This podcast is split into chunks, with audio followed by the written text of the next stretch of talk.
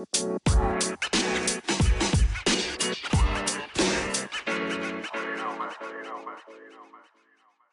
yo listeners, my my listeners, ya. Comeback lagi dengan gue JJ di sini di Historia JJ. Oke, eh gue mm, tidak mau podcast lagi karena ya kan gimana sih tergantung gue lah, tergantung mood gue nggak juga juga. Tapi karena kemarin-kemarin gue lagi fokus untuk UTBK gue dan kayak gue mau refreshing dan kayak nggak belajar dulu. Tapi ujung-ujungnya gue belajar kayak ngerjain-ngerjain soal simak aja sih. Kayak ngebahas bareng teman-teman gue ngebahas teman-teman seperjuangan. Jadi kayak oke okay, bahas soal lewat zoom lewat Google Meet just kayak just like that. Nah oke. Okay. uh, eh, tadi gue gue habis UTBK dan kayak hmm, jujur kayak Duh sedih banget tapi ya udah mau gimana lagi ya kan? Kayak hmm, gemes banget ya kayak gue udah menenangkan berusaha menenangkan diri tapi uh, seperti tidak tenang juga. Kayak fifty fifty gitu. Tenang uh, kadang tenang kadang enggak. Jadi kayak kayak take a deep breath hold on and langsung keluarkan pelan-pelan. Oke. Okay. kayak gitu aja sih. Uh, jadi ya tadi gue sambat dulu. Oke. okay uh, gue kemarin janji kan, gue janji mau ngebahas yang namanya apa namanya?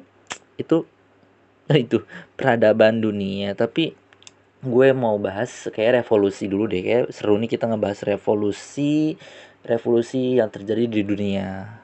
Uh, kayak per perlawanan rakyat terhadap pemerintahan yang uh, tidak tidak becus dalam pemerintah gitu istilahnya. Kalau kalau istilah dari revolusi kayak bangkit kayak bangkit dari suatu situasi yang buruk. Mm jadi kayak misalkan kemarin revolusi bukan revo, uh, apa Indonesia juga pernah revolusi uh, revolusi yang di kabinet itu kabinet apa? Kabinet Natsir. Ya gue ingat ya kabinet Natsir. Dia revol, uh, melakukan revolusi dengan program benteng uh, itu mena bukan menasionalisasi bukan mena men bukan menasionalisasi tapi me apa itu? Meningkatkan kayak bukan tentang perekonomian tentang perekonomian kalau uh, uh, pengusaha pribumi itu dididik dididik sama ke uh, pemerintah. Kayak kita juga masih baru banget negara kita masih secu seumur jagung lah maksudnya jagung jagungnya aja juga belum numbuh gitu lah istilahnya. Uh, masih ditanam jadi kayak butuh modal lah butuh apa. Jadi belajar dulu gitu kan. Well ke situ-situ jadinya uh, kita akan bahas yang namanya sejarah Prancis sebenarnya tapi uh, gue lebih menekankan di revolusi Prancisnya dan gue uh, gua uh, pertama gue mau bahas versi gue versi textbooknya gua habis itu baru kita ngebahas si sejarah Prancis di menurut buku yang ada yang gue punya.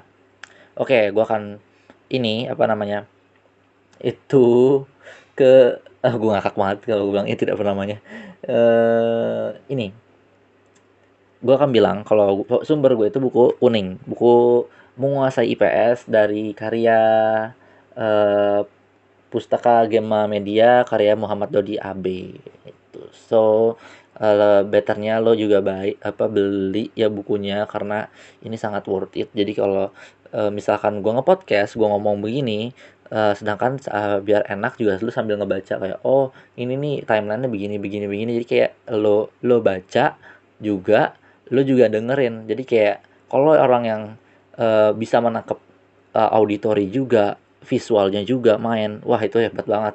Uh, sebenarnya ya emang cara belajar kan beda-beda orang. Ada ada yang bisa fokus di visual aja di, dibaca aja harus ngebaca harus tenang gitu. Nah ada juga orang yang suka ngedenger doang kayak begini kayak gue nge-podcast gue nge gue ngasih materi gue ngasih pelajaran ke lu semua. So uh, tadi gue bilang gue akan bahas revol revolusi Prancis lebih dalam uh, dan sejarah sejarah Prancis menurut buku si kuning ini buku kuning.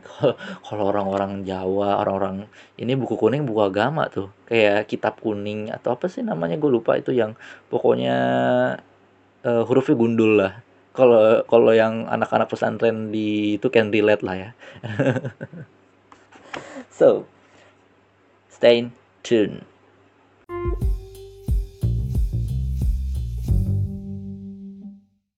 ya ya kita kembali lagi di podcast gue. Di podcast Historia JJ JJ Podcast History Political Issues and My Real Life Chit Chat. Dan kita akan bahas yang namanya revolusi. Oh, uh, kita pakai bahasa Prancis ya. Revolution de France Revolution de France sebab-sebab uh, apa sih revolusi Prancis itu apa sih yang terjadi di sana. So uh, eh, gue akan bahas itu.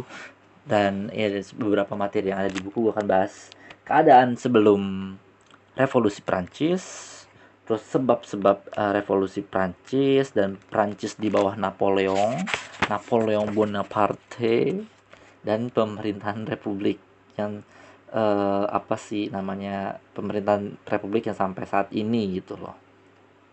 Oke. Okay. Eh, Prancis, The France.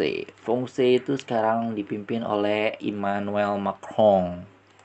Ya, dan sejarahnya dia juga ini bakal sejarah baru, maksudnya kayak emang sejarah baru Prancis dia punya pemimpin termuda. Dia apa kayak presiden presiden itu dia umurnya menjabat pas pertama kali menjabat dia berumur 40 tahun bray. Itu yang termuda di Prancis gila sih gila nggak tuh? Umur 40 tahun dan lu udah menjadi presiden menjadi pemimpin negara cuy. So itu hanya stick aja ya. Tapi FVA juga itu kan. Nah Revolution de Revolution de France itu uh, terjadi ada sebab-sebabnya cuy. Sebabnya ada sebab umum sama sebab khusus. Nah, sebab umumnya itu ada yang namanya ketidakadilan dalam bidang ekonomi, kekuasaan raja yang absolut.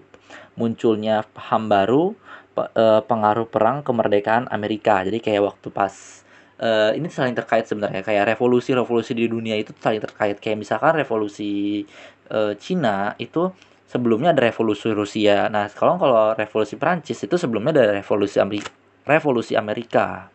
Nah, uh, eh, gue akan bahas revolusi Prancis dulu jadi sini kan.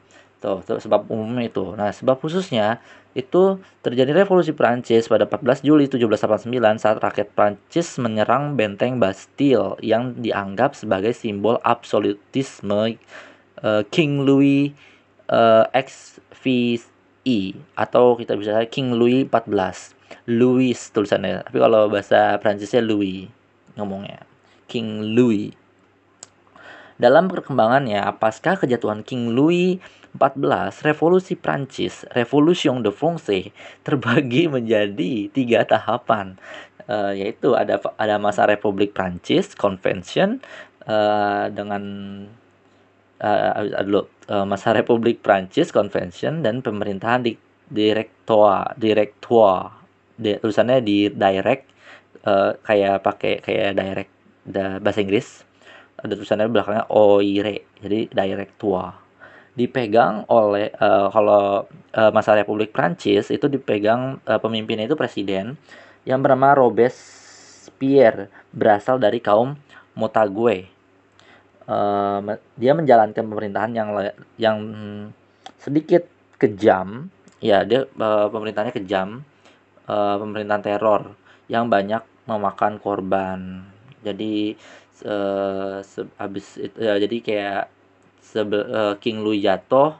Jadi di situ mereka kayak masih pengen kayak wah nih gue pengen negara gue tuh kayak bebas yang ada ini asas-asasnya Prancis tuh yang yang fraternite egalite satu lagi gue lupa lah itu. Nah pokoknya ntar gue cari oke. Okay. uh, itu asas-asas mereka kayak mereka menjunjung tinggi liberalisme banget kayak kebebasan. So itu jadi kayak pengen dia bebas. Tapi ini sama aja kayak diktator juga. Si presiden Robespierre Robespierre ya. Nah yang kedua pemerintahan direktua dipegang oleh Boris mau Maulin Boris Boris Bo, Boris mau dan Maulin Seyes Roger dan Dukos uh, ini dia memiliki wewenang mengatur masalah politik, sosial, ekonomi, uh, pertahanan, keamanan dan keagamaan seperti biasa, cuy. Nah, itu dia menurut versi buku gue. Gue nanti gue akan jelasin lagi. Dan yang ketiga ada pemerintahan Napoleon Bonaparte. Nah, Napoleon Bonaparte ini kayak bisa disebut uh, dia itu pinter, pinter banget kayak bisa menginvasi mengin, apa kayak dari Prancis dari Prancis kayak mau lihat kayak wah ini ada ada peluang kayak menjajah menjajah uh, kayak mem membentuk imperialisme gitu ya jadi dia membentuk kayak pokoknya uh, pemerintahan yang pokoknya Prancis maju dan mempunyai daerah bekas jajan banyak itu di pada masa revolusi uh, uh, pada masa revolusi pada masa si Napoleon Bonaparte. Nah, akibat dampak dari revolusi Prancis di, dipetakan sebagai berikut. Yang pertama itu dari dari politik uh, satu perubahan dalam sistem pemerintahan yang semula monarki absolut menjadi pemerintahan yang demokratis. Kedua, berkembangnya paham demokrasi Ketiga, perasaan nasionalisme sesuai dengan semboyan revolusi Prancis. Nah, ini nih, yang semboyannya. Liberté, égalité, fraternité. Sekali lagi gue sebutin lagi. Liberté, égalité, fraternité yang ber yang berarti kebebasan, persamaan dan persaudaraan. Well, emang di Prancis sangat menjunjung banget ya, cuy. Apalagi karena waktu pas zaman-zamannya penjajahannya dia di negara-negara Afrika karena kan negara Afrika tuh banyak yang bisa pakai apa kayak negara ya gue belum bisa sebutin karena gue lupa negara apa aja tapi Uganda salah satunya yang dijajah sama Prancis dia itu memakai bahasa Prancis jadi kayak orang-orang Afrika kebanyakan dan oh, eh, orang banyakan uh, orang-orang Afrika kebanyakan tuh kayak yang ke Prancis banyak ya di Prancis banyak warga kulit hitam karena ya bukan oh, gue bukan rasis nih tapi emang bener kan mereka ber, berkulit hitam tapi ya mereka ke kayak mungkin mencari kehidupan yang layak. Kayak misalkan kalau Indonesia kayak uh, orang Jawa Jawa orang Jawa di misalnya yang apa ya yang di orang rural orang rural itu uh, mau ke Jakarta untuk mencari ya kehidupan yang layak kayak gitu. Nah, orang Afrika mungkin juga sama seperti itu uh, dia ke Prancis tapi nah di Prancis ini tuh karena dan tadi uh, semboyannya itu ada liberté, égalité dan fraternité. Uh, kebebasan, pers uh, persamaan dan persaudaraan. Nah, dari simbol ini mereka kayak welcoming banget orang-orang kayak ya emang bebas di sini jadi slow aja, Bro. Lo saudara gue. Lo bisa kayak bisa gini. Lo bisa bahasa Prancis pun wah bagus banget kayak uh, kita bisa bertukar uh, kayak bertukar pikiran segala macam ya lah. Uh, jadi uh, ya itu ke mana jadi re yang kedua itu ada ekonomi ekonomi ini ada tiga uh, itunya yang gue catat namanya itu uh, petani menjadi pemilik tanah kembali ya mungkin sebelumnya pemilik tanahnya itu kayak masih di di ini bukan kayak kayak emang emang si apa tanah itu milik raja tanah itu milik pemerintah kayak gitu waktu pas zamannya si King Louis XIV. Terus penghapusan pajak feodal dan glide. Yang ketiga, timbulnya industri besar. Jadi kayak dibarengi juga sama industri, uh, revolusi industri kan akhirnya berkembanglah uh, apa namanya itu. Hmm, ini industri-industri di Prancis. Yang ketiga ada uh, akibat dampak dari revolusi Prancis yaitu dampak sosialnya dihapusnya sistem feodalisme, adanya susunan masyarakat yang baru, dan yang ketiga pendidikan dan pengajaran yang merata untuk semua lapisan masyarakat. Jadi mereka tidak membeda-bedakan cuy. So, itu yang ada di buku gue. Jadi kayak mungkin emang di buku gue sedikit dan gue gue gue nyatet banyak karena emang sumbernya waktu pas tahun 2019 emang ya gue uh, hanya tahu oh ini ada revolusi revolusi Prancis ini revolusi uh, Rusia revolusi Amerika. Dan gue baru banget kayak kemarin mungkin dua minggu tiga minggu lalu gue baru nyatet revolusi Cina. Karena kayak waktu pas tahun eh pas tahun lagi pas uh, tahun lalu gue apa ya nggak tahu hmm, revolusi revolusi gitu loh. Maksudnya kayak gak mendalami banget.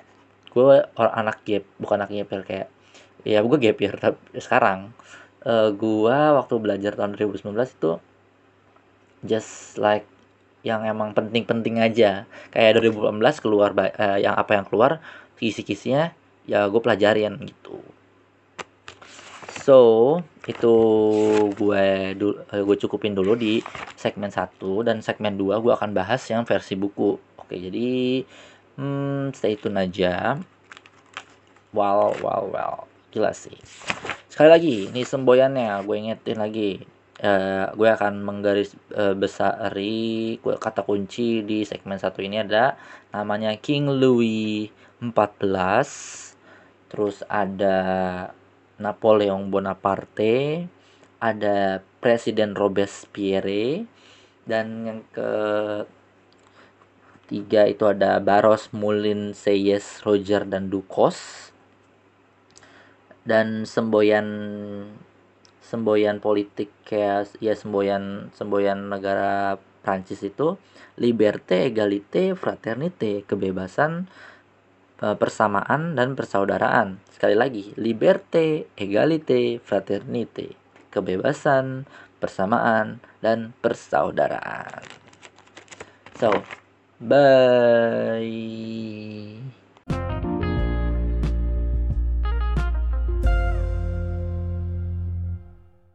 Hmm, tadi kenapa gue bilang bye ya? Padahal belum selesai. Bego banget. Astagfirullahaladzim, bukan bego. Kayak, ya, uh, karena omongan dari lu, uh, gue bilang, pinter banget sih. Ya, lu lu semua nih, gue ingetin nih. Jangan pernah lu nyumpain orang kayak ngatain orang. Bego lu, apa lu, nyok, oh, kayak, ya pokoknya kata-kata kasar lah ya. Kata-kata sarkas, kata-kata kasar yang emang gak sepatutnya tadi kita ngomong kayak, ya udah, kalau emang kita mau menghina atau kesel sama orang bilang aja, ih pinter banget sih lu, pinter banget sih lu, gitu, ya kan. Jadi, ya gitu kita bahas sih. Oke, okay, gue akan bahas timeline dari sejarah Prancis sendiri. Uh, dari keadaan sebelum revolusi Prancis, terus setelah revolusi Prancis yang tadi menurut buku gue juga udah jelasin. Terus yang ketiga ada sebab revolusi Prancis. Yang keempat ada Prancis di bawah Napoleon. Uh, yang ketiga adalah pemerintahan republik. So, gue akan bahas ini keadaan sebelum revolusi Prancis.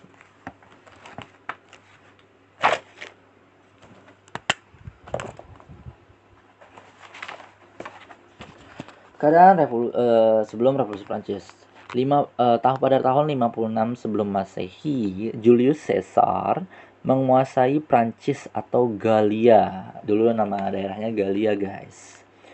Eh, tahun 509 Romawi hancur dan Prancis diduduki oleh suku Frank uh, F R A N K. Clovis mendirikan kerajaan Frank. Nama Prancis atau France diambil dari suku Frank. Tahun 732 Charles Martel menahan pasukan muslimin dari perang di Poitiers Poitiers Poitiers kalau ngomong kayak gitu kali ya. Poitia uh, tulisannya Poitier uh, penaklukan tentara muslim tentang tertahan di Prancis nah, tahun 800 Charlemagne menjadi raja Prancis yang berpengaruh. Hubungan dijalin dengan uh, Daulah Abbasiyah. Jadi kayak udah ban udah ini guys. Udah emang tahun-tahun itu tuh emang kan muslim baru banget juga dan uh, istilahnya apa ya udah berkembang lah ke mana-mana. So Z. tahun 1095 sampai 270, 1270 raja-raja Prancis mengadakan perang salib dengan orang-orang Islam. Tahun segitu udah ya emang ya ya gue gue sariawan guys sakit banget nih eh, tahun 1377 sampai 1477. Wow, ini satu abad. Prancis bentrok dengan Inggris dalam perang 100 tahun dan Prancis menang. Nah, itu eh, bakalan jadi highlight banget ya ini. Kayak Prancis be, eh, bentrok sama Inggris. Serat, namanya perang 100 tahun. Perang 100 tahun dan Prancis menang. Sekali lagi, Prancis menang pada tahun 1377 sampai 1477. Lamanya 100 tahun kan. Well, uh, ini lagi-lagi gue akan sebut hmm, lebih jelasnya pada tanggal 25 bulan Agustus 15, 1572 1572 1572 terjadi revolusi gereja di Prancis uh, kaum Huguenot yaitu Protestan Prancis dibantai oleh penguasa Prancis yang beragama Katolik. Pembantaian ini dikenal dengan Massacre of Saint Bartholomew's Days. Wow, jadi kayak namanya nama Bartholomew sudah di Prancis sudah wow ya. Nah, itu terjadi revolusi gereja. Jadi kayak kaum Huguenot itu eh, Protestan Prancis dibantai. Well, ini sedih sih emang. Ya, bagaimana lagi? 1513. Niccolo Machiavelli menulis uh, Two Prince Principe, Principe, Two Principe. Eh, il. Sorry, sorry. Kalau bahasa Prancis gue ini kayaknya kan kayak angka dua Romawi tapi ini sebutannya ya il il principe ya, atau yang bisa di bahasa Indonesiain itu sang pangeran atau yang di bahasa Inggrisnya the prince. Jadi namanya ini il principe. Il il principe. Dalam buku itu, kekuasaan raja-raja Prancis adalah tak terbatas. Wow, jadi kayak absolut. Absolut sekali lagi gue bilang absolut. Well, well, well, well. Nah, tahun 1642 Tadi tadi tahun 1513 cuy. Nah, sekarang tahun 1642 sampai 1643 Perdana Menteri Kardinal Riseli Riseli uh, kalau kalau tulisannya tulisannya tulisannya gini. Kalau tulisannya begini. Riche R I C H E L I E U Riseli membentuk kekuasaan absolut di Prancis. 1662 sampai 1683 Menteri JB Colbert Colbert lah saya Colbert Indonesia banget Colbert melaksanakan politik merkantilisme perdagangan dan ekonomi diatur oleh pemerintah merkantilis. Nah istilah di ekonomi juga ada kan? Tahun 1643 sampai 1715 nah ini nih baru mulai. 1643 sampai 1715 Raja Louis King Louis Raja Louis 14 berkuasa dan absolutisme mencapai puncak kejayaan. Ciri pemerintahnya adalah memerintah tanpa undang-undang dan kepastian hukum, memerintah tanpa dewan legislatif, memerintah tanpa anggaran yang pasti, memerintah tanpa dibatasi oleh kekuasaan apa pun. Antara Inggris dan Prancis selalu bertempur untuk merebut daerah jajahan. Perang yang terkenal adalah perang 7 tahun. Ada lagi nih, kemarin perang perang 100 tahun, sekarang perang 7 tahun. 1756 sampai 1763 di mana Prancis mengalami kekalahan. Wow, kalah di sini cuy. Nah, tahun 1775 sampai 1783, eh, revolusi Amerika atau perang kemerdekaan Amerika mendorong orang Prancis menjadi pasukan sukarelawan di bawah Jenderal Lafayette Lafayette uh, General General Lafayette uh, tulisannya Lafayette membantu Amerika Serikat membantu Amerika Serikat orang Prancis terpengaruh paham liberalisme. Jadi paham kebebasan gitu kan. So ini uh, tadi gue nyebut keadaan sebelum revolusi Prancis. So gue akan cerita dulu. Ini ini kan ngebahas revolusi Prancis ya. Uh, kalau lo mau tahu lagi lebih enaknya lebih asik ya belajar kayak uh, belajar sejarah nih lo coba nonton ini deh. Coba nonton itu namanya Mr. Peabody Sermon and Mr. Peabody. Nah itu uh, kayak kartun kayak animasi tentang ya uh, perjalanan pada masalah ke masa lalu gitu. Jadi itu seru banget kayak awal-awal tuh revolusi Prancis gara-gara apa ya kan rakyat rakyatnya ini gue cerita sih rakyatnya Prancis, rakyat Prancis itu pada kelaparan pada pada bingung gitu lah istilahnya. And then si ratunya ini malah kayak senang-senang gitu kayak punya kue banyak punya makanan banyak. Akhirnya kalau di situ tercetus revolusi Prancis gue gak ngerti lagi kayak ya raja rajanya diadili di dipenggal kepalanya si ratunya juga di dipenggal kepalanya wow coba lu nonton aja sih lu pasti uh, seru oke okay. uh, tadi gue sebut keadaan sebelum revolusi Prancis. Nah, sekarang gue akan sebut pas pada pada masa revolusi Prancisnya. Uh, tanggal 5 bulan Mei, tanggal 5 bulan Mei 1789. Etats Generux, Etat Etats Generux. Tulisannya Etat S Generaux DPR Prancis dibuka terdiri dari tiga golongan. Golongan satu bangsawan, golongan dua agamawan, yang golongan tiga rakyat jelata, masing-masing 300 orang. E, jadi total anggota Dewan itu pada masa itu 1789 ada sekitar 900 orang. Tujuh, e, tanggal 17 bulan Juni 1789, golongan tiga memproklamasikan Assemblée Nationale, Dewan Nasional. Assemblée, Assembly, Assembly Nationale, ya, tulisannya gitu nasional nasionale. Dewan Nasional ini adalah sidang seluruh rakyat tanpa golongan.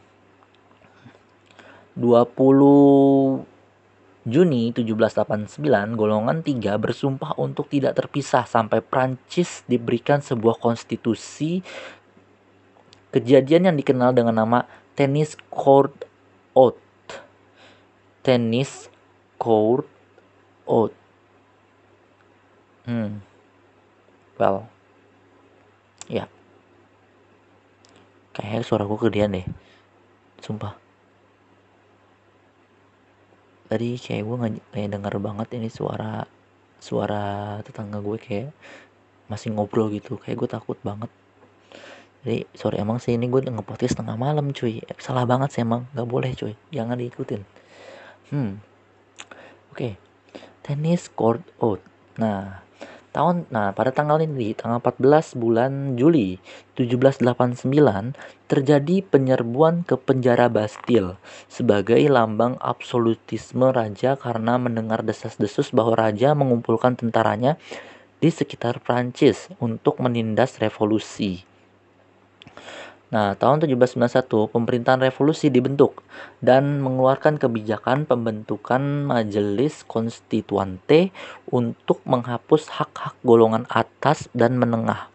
Semboyan Prancis diabadikan dalam Liberté, Égalité, Fraternité. Prancis menjadi negara monarki konstitusional. Dewan Perancang Undang-Undang dibentuk yang terdiri dari Partai Fouillon, Fouillon pendukung absolutisme raja dan partai Jacobin yang beranggotakan kaum Girondin Montag Montagne di bawah pimpinan Robespierre, Marat dan Danton. Nah, tahun 1792 setahun kemudian King Louis 14 eh King Louis 16 dihukum mati. Uh, dan 1793 tahun pada 17 1793 tahun berikutnya sampai 1794 pemerintahan teror. Pemerintahan ini dibentuk Robespierre dan terjadi perebutan kekuasaan antara kelompok Girondin dan Montagne akhirnya Robespierre dijatuhi hukuman pancung. Guillotine guillotine apa tulisannya kalau bacanya guillotine guillotine kayak sih ya guillotine sebab revolusi Prancis. Nah, adik kan revolusi Prancis ya, so ini sebab-sebab revolusi Prancis. Sebab itu ada tiga di sini. Kesenjangan antara golongan atas, pendeta, golongan menengah, raja dan bangsawan, dan golongan bawah kaum borjuis dan jelata. Pemborosan keuangan negara oleh istri Raja Louis, King Louis XIV, Ratu Marie Antoinette, Nah, yang tadi gue bilang tuh, ya nih, pokoknya lo nonton aja. Itu lucu banget sih, cuy.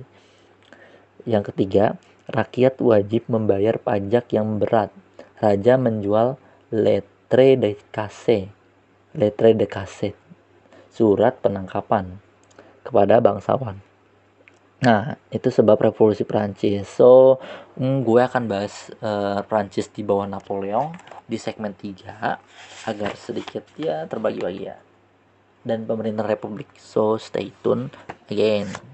Bukan ya, stay tune.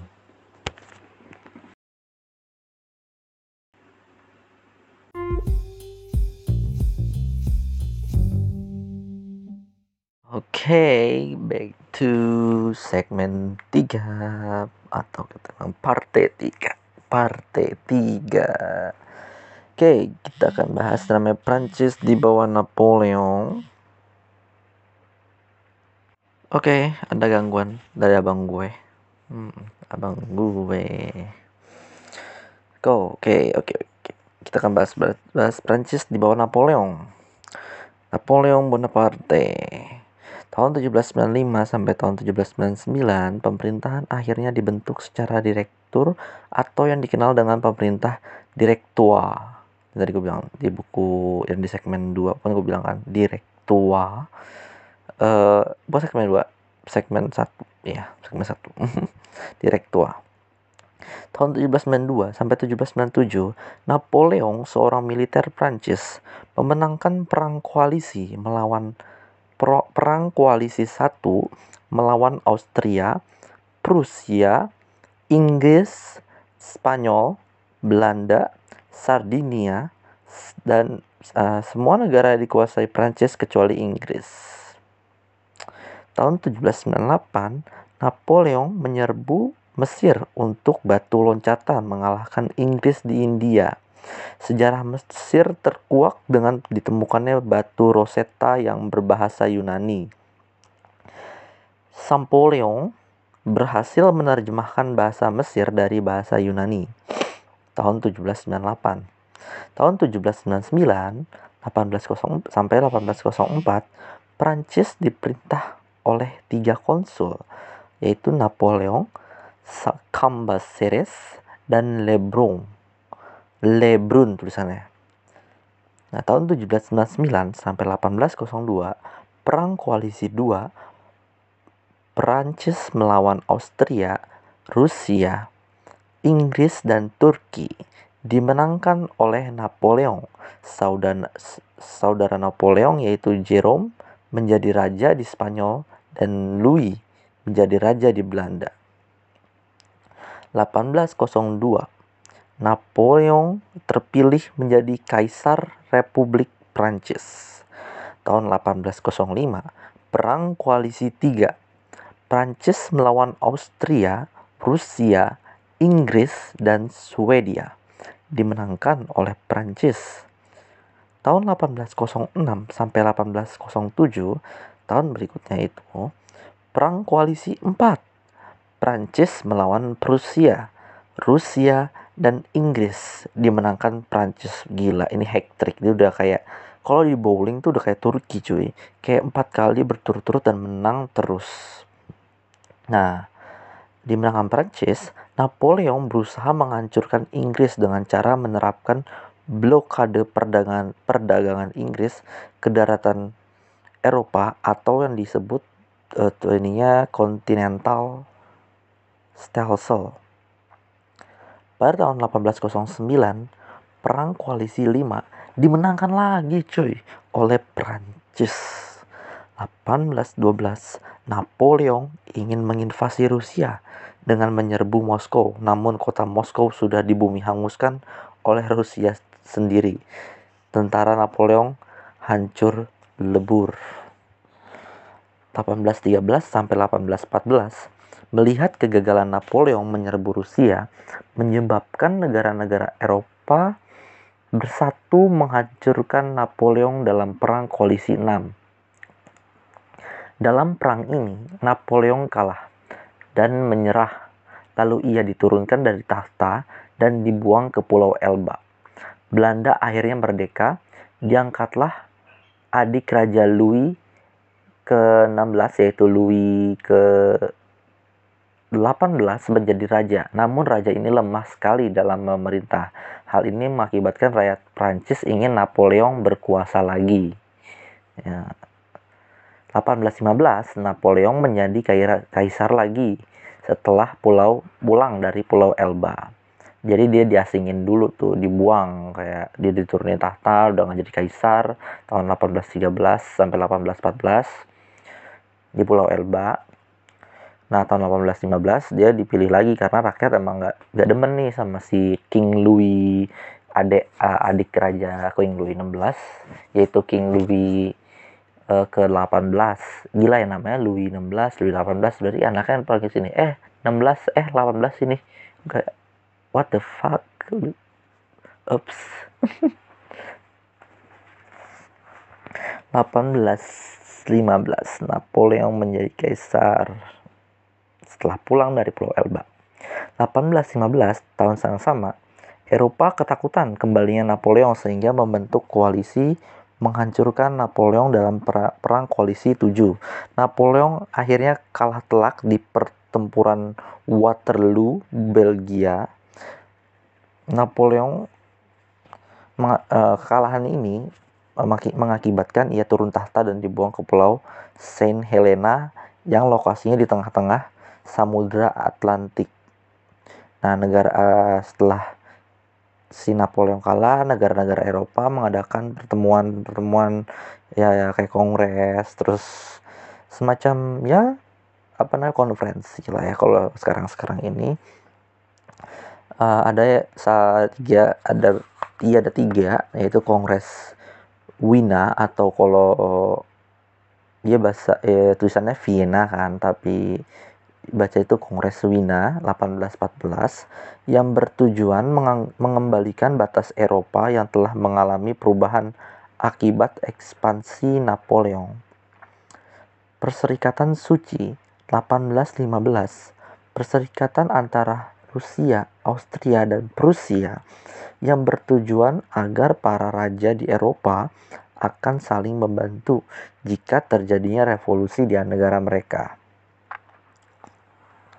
Perserikatan Besar 1815 bertujuan mempertahankan Kongres Wina.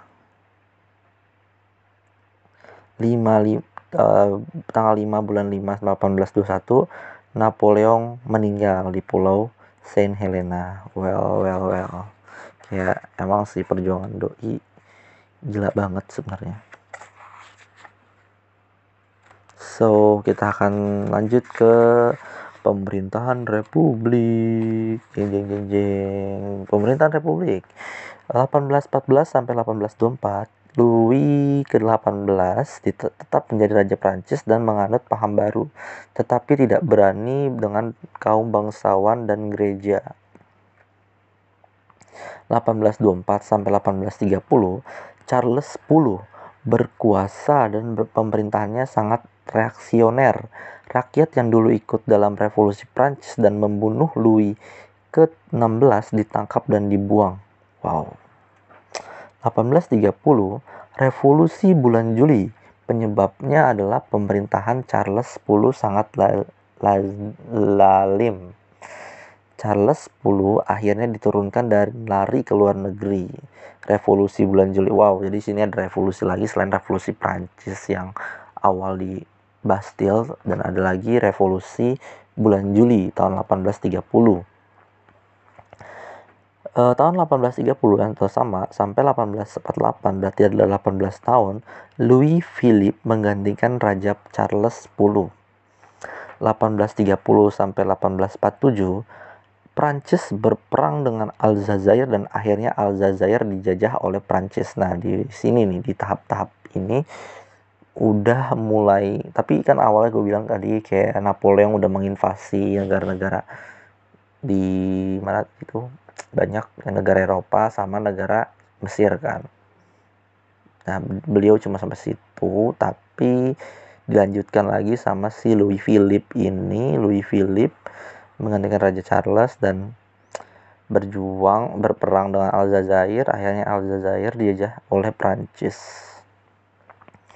1848 pemerintahan Raja Louis Philippe yang reaksioner membuat rakyat marah dan menurunkan pada revolusi Februari. Lucu ya namanya sekarang revolusi dia revolusi namanya bulan gitu. 1848 sampai 1852 Prancis kembali ke sistem republik yang dikepalai oleh presiden.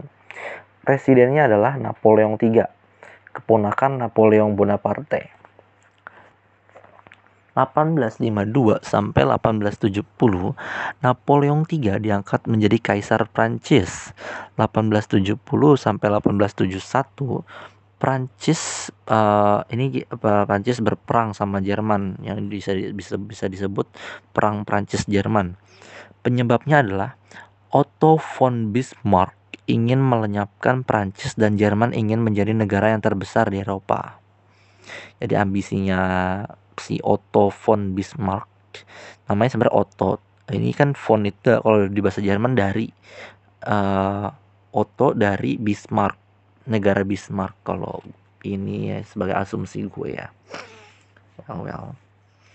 Nah Prancis kalah dan harus menandatangani perjanjian Frankfurt Frankfurt. Ya negara negara Frankfurt ya, bukan negara Frankfurt apa kota Frankfurt di Jerman yang berisi Prancis menyerahkan Elsass Lotharingen pada kepada Jerman Prancis harus membayar kerugian perang kepada Jerman 18 bulan Januari 1871, Raja Jerman Wilhelm I dinobatkan di Istana Versailles. Hal ini adalah penghinaan untuk Prancis. Timbullah ide balas dendam. Pada tahun yang sama, terjadi pemberontakan komuni menurunkan Kaisar Napoleon II. Napoleon II. Harusnya Napoleon III dong. Napoleon III, Kaisar Napoleon III 1892 Prancis membentuk persekutuan dengan Rusia. 1892. 1907 terbentuklah persekutuan Triple Entente untuk mengimbangi Jerman, Austral Austria dan Italia. Triple Entente ini udah masuk PD1 nih Perang Dunia 1. Tahun 1948 1988 1914 sampai 1918 Prancis terlibat dalam PD1 dan hampir dikalahkan Jerman. Prancis menjadi pemenang dalam PD1, Perang Dunia I.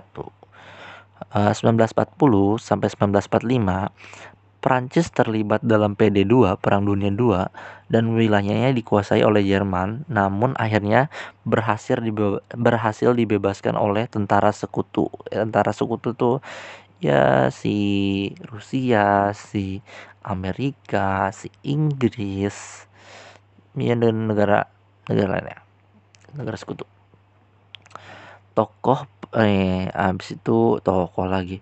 Ada lagi tahun 1946 setelah 1945 Prancis membentuk republik baru, republik keempat setelah PD2. Nah, tahun 1962 Prancis memberikan kemerdekaan kepada Aljazair. Well, well, well. Itu timelinenya guys, menurut buku ini. So, kalau ada yang kurang, sorry banget, sorry, sorry banget. Sekali lagi sorry banget. Ya, seenggaknya gue udah bisa membantu kalian ya. Membantu kalian dalam uh, memahami sejarah. Ya, just repeat my podcast if you not really like yeah really didn't uh, not not understand. Yeah just repeat that. Just repeat this podcast. Tambahan. Ada nih tambahan namanya tokoh penentang absolutisme yang awal-awal tuh si King Louis 14 sampai King Louis 16 tokoh penentang yang absolutisme itu ada John Locke 1632 sampai 1704 menganjurkan adanya undang-undang di kerajaan.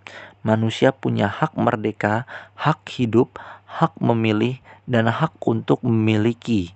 Nah, yang kedua ada Montesquieu.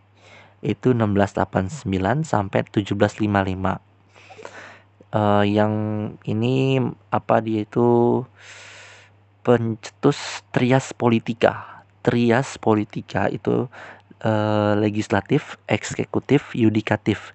Dalam bukunya L uh, les le L ini tulisannya gini. L L gimana tulisannya gimana? Hmm baca juga bingung gua pokoknya tulisannya uh, huruf L L besar esprit de loi de ya de loi oh jadi gini gua bacanya l'esprit de loi l'esprit de loi tulisannya L E L esprit des Louis Lois des des Lois des Louis Louis tapi kalau bahasa bahasa Prancis tuh OI itu dibaca wa. Jadi Loa itu guys. So yang ketiga ini ada JJ Rosu Roseau JJ Roseau 1712 sampai 1778 penganjur demokrasi semboyan dari rakyat oleh rakyat dan untuk rakyat.